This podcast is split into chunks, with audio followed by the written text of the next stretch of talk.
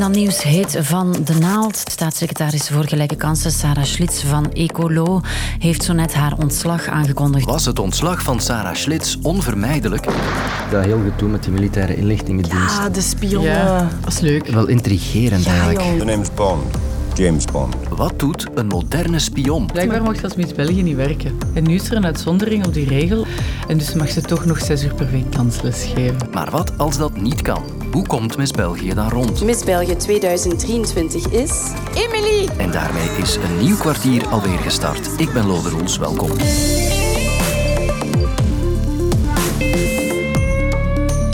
Vanochtend was staatssecretaris voor gelijke kansen Sarah Schlitz van Ecolo te gast bij de collega's van RTBF Radio. En dat interview begon meteen met een verrassing. Je voudrais annoncer, avant toute chose, qu'en sortant de ce studio, j'irai présenter ma démission au Premier ministre. Schlitz kondigde er haar ontslag aan als staatssecretaris. Ik heb een fout begaan waar ik me voor verontschuldigd heb, zei ze, maar de polemiek is zo groot geworden dat de situatie onhoudbaar werd. La polémique a pris une ampleur qui est vraiment délétère pour le climat politique. Schlitz lag al sinds vorige week onder vuur omdat ze haar persoonlijke logo gebruikte in communicatie over projecten betaald met overheidsgeld. In het parlement zei ze dat dat niet op haar vraag gebeurde, maar volgens de NVA was dat een leugen en helemaal werd het nooit uitgeklaard. Mevrouw Schlitz heeft de wet overtreden.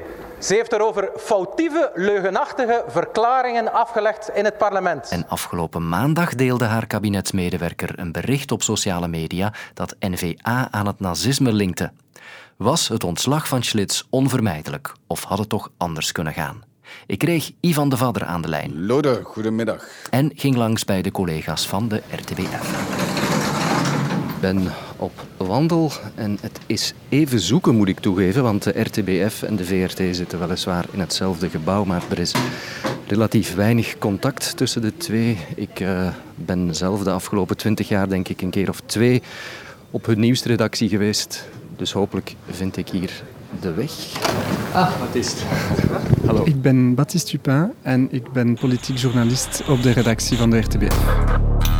Toen het duidelijk bleek uh, gisteren dat ze geen brede steun van de meerderheid vandaag uh, op de commissie zou krijgen, was het uh, waarschijnlijk onvermijdbaar. Ik denk dat de staatssecretaris dat nog had kunnen redden wanneer de hele zaak beperkt zou geweest zijn tot het gebruik van het persoonlijke logo en eventueel de leugen uh, daarover in het parlement. Maar wanneer de hele zaak rond de vergelijking tussen uh, wat Sander Loon is van de NVA als oppositielid deed en een nazistische regime op de proppen kwam, een boodschap die in de eerste plaats ook nog eens gesteund werd door het kabinet waar ze zich nauwelijks voor verontschuldigde en uiteindelijk dan onder druk van de eerste minister zich dan toch nog te moeten verontschuldigen. Ja, toen werd duidelijk dat haar positie onhoudbaar was geworden en die was verleden week al erg wankelijk. Dus wat mij betreft onvermijdelijk, ja. Nu, Schlitz had zich eerder al wel eens misrekend. Ze kreeg toch vaker kritiek op dingen die ze deed, hè? De eerste inschattingsfout. Ik uh, geef een beleidsbrief en ik doe dat uitsluitend in het Frans en met een gebarentolk voor uh, mensen die doof zijn, maar niet in het Nederlands. Uh, nochtans de taal van de meerderheid uh, van de bevolking. Regeringscommissaris met een hoofddoek. meewandelen op een wandeling waar alleen vrouwen zijn toegelaten en, en geen mannen. Allemaal kleine incidenten waarbij elke keer toch opvalt dat de staatssecretaris in een, een heel erg militante toon hanteert en zich als een strijder voor gelijke kansen. Dus niet zozeer een regeringslid dat wat neutraal eventueel en ijvert, maar letterlijk een, een strijder, een voorloper. En, en die toon zorgt wel geregeld voor incidenten en conflicten. Sarah Schlitz had maar weinig ervaring toen ze uh, staatssecretaris werd. Ze was maar een jaar of twee uh, Kamerlid. En veel mensen beweren dat ze meer als een militant dan als een staatssecretaris heeft gewerkt. Een paar dagen voordat uh, dat ze de eet aflegde, uh, was ze nog uh, verkleed in de Handmaid's Tale met een, een, een, een rode jurk, een, een, rode kleed, om te betogen voor de rechten van de vrouwen. Het zegt veel over de politiek engagement van Sarah Schlitz. En misschien heeft ze dat belangrijk engagement niet uh, willen loslaten wanneer ze staatssecretaris geworden. En soms uh, moet je als staatssecretaris of als minister misschien een beetje voorzichtiger werken dan als je Kamerlid bent.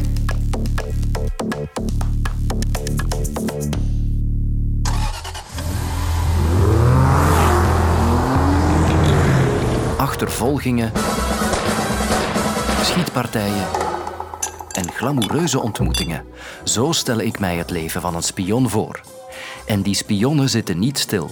Ze zijn zelfs zo actief dat de Algemene Dienst Inlichtingen en Veiligheid zijn jaarrapport voor het eerst publiek maakt. Wim Robrecht van het ADIF vertelde op de radio waarom.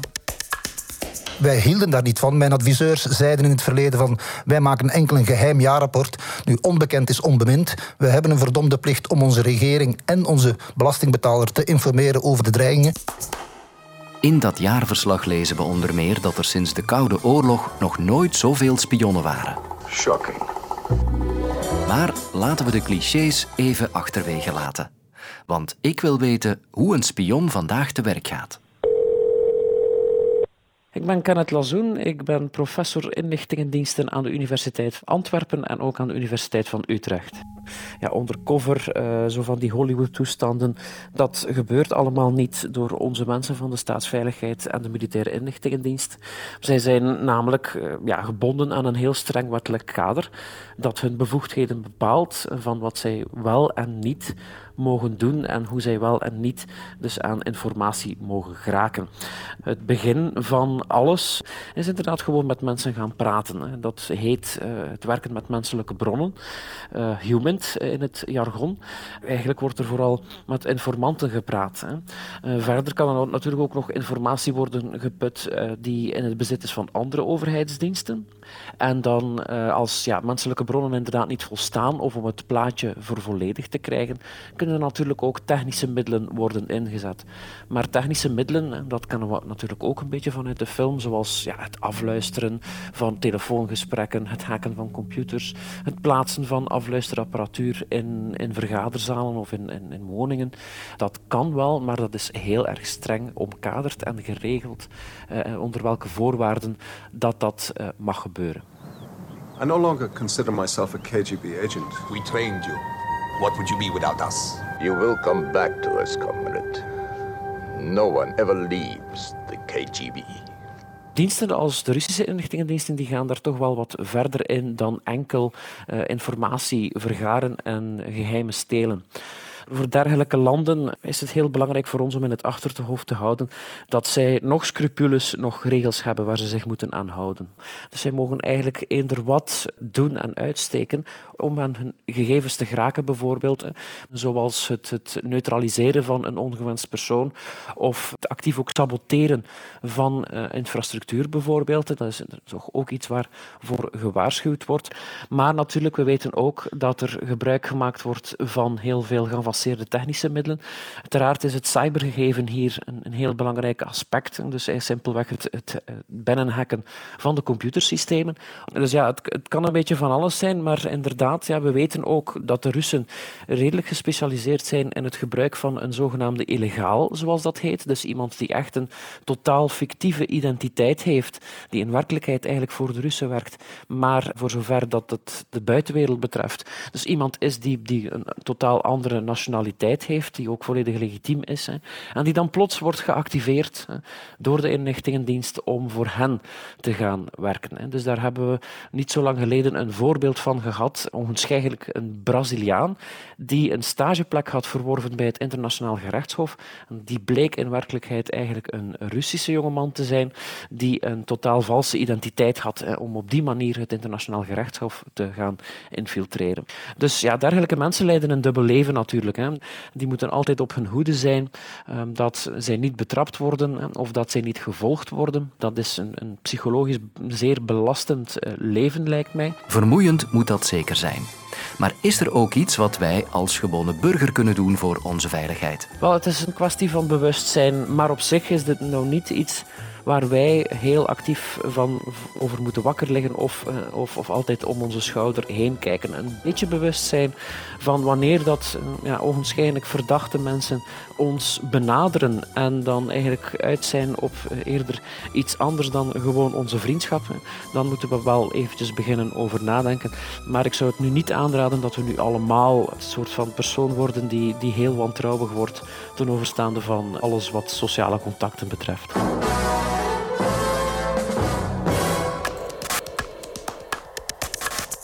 Ik wil het vandaag ook over deze vrouw hebben. Miss België 2023 is...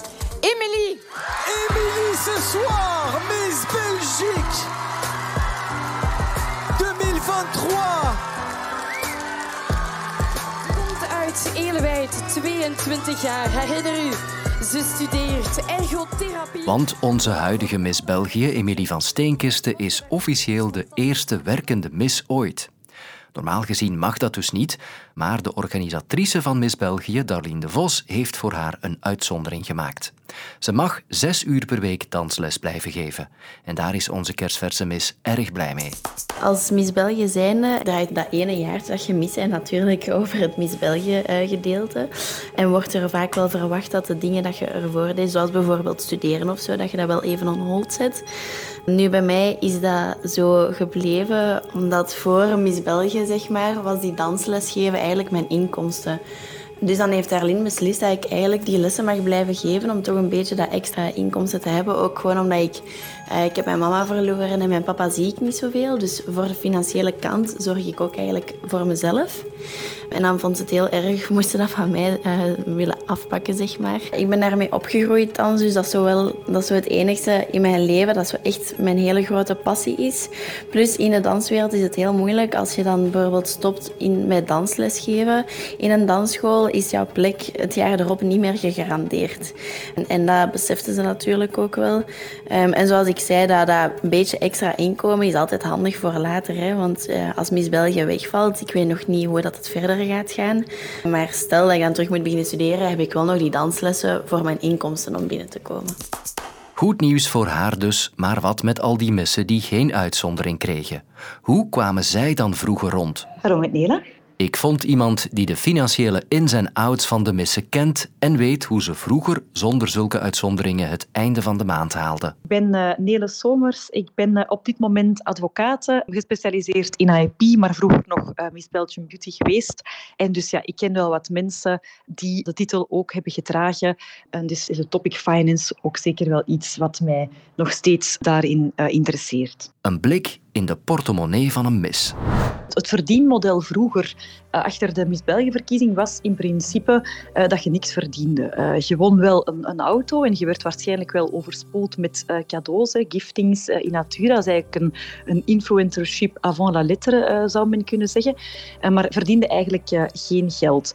Men ging er daarbij vanuit, dus de missen hadden ook leeftijdsgrens. Boven de 23 jaar was hij niet meer krokant genoeg. Dat, dat men nog thuis woonde. Dus op zich dat men daar geen inkomen voor, voor nodig had. Um, daar is een groot verschil enerzijds tussen de Miss België-verkiezing, die het zo aanpakte, en de Miss Belgium Beauty-verkiezing, waarbij dat missen toch wel van bij het begin een bepaalde vergoeding uh, ontvingen. Dus die verdienmodellen die verschilden wel wat uh, van elkaar. Op dit moment zou ik ervan uitgaan dat ook een Miss België toch een, een bepaalde vergoeding als bediende ontvangt. De maandelijkse vergoeding en dat ik ervan uitga dat die redelijk laag zal zijn. Met giften in natura heb je rekeningen niet betaald. Plus komt daar ook nog bij dat je daar ook even goed op belast wordt. Ik heb dat ook voor gehad. Um, dat de fiscus uh, zegt van kijk, je hebt wel prijzen gewonnen, maar op die prijzen daar gaat jij ook een, een, vergoeding als beroepsinkomsten moeten op betalen. Uh, dus in principe moet je dan zelfs gaan betalen op iets wat je in natura hebt gekregen en eigenlijk niet hebt kunnen beoordelen. Want bijvoorbeeld als iemand u op dat moment zegt van ah, jij krijgt een fiets, fantastisch, maar je hebt niet die fiets zelf kunnen kiezen. Je krijgt een bepaald model van een fiets.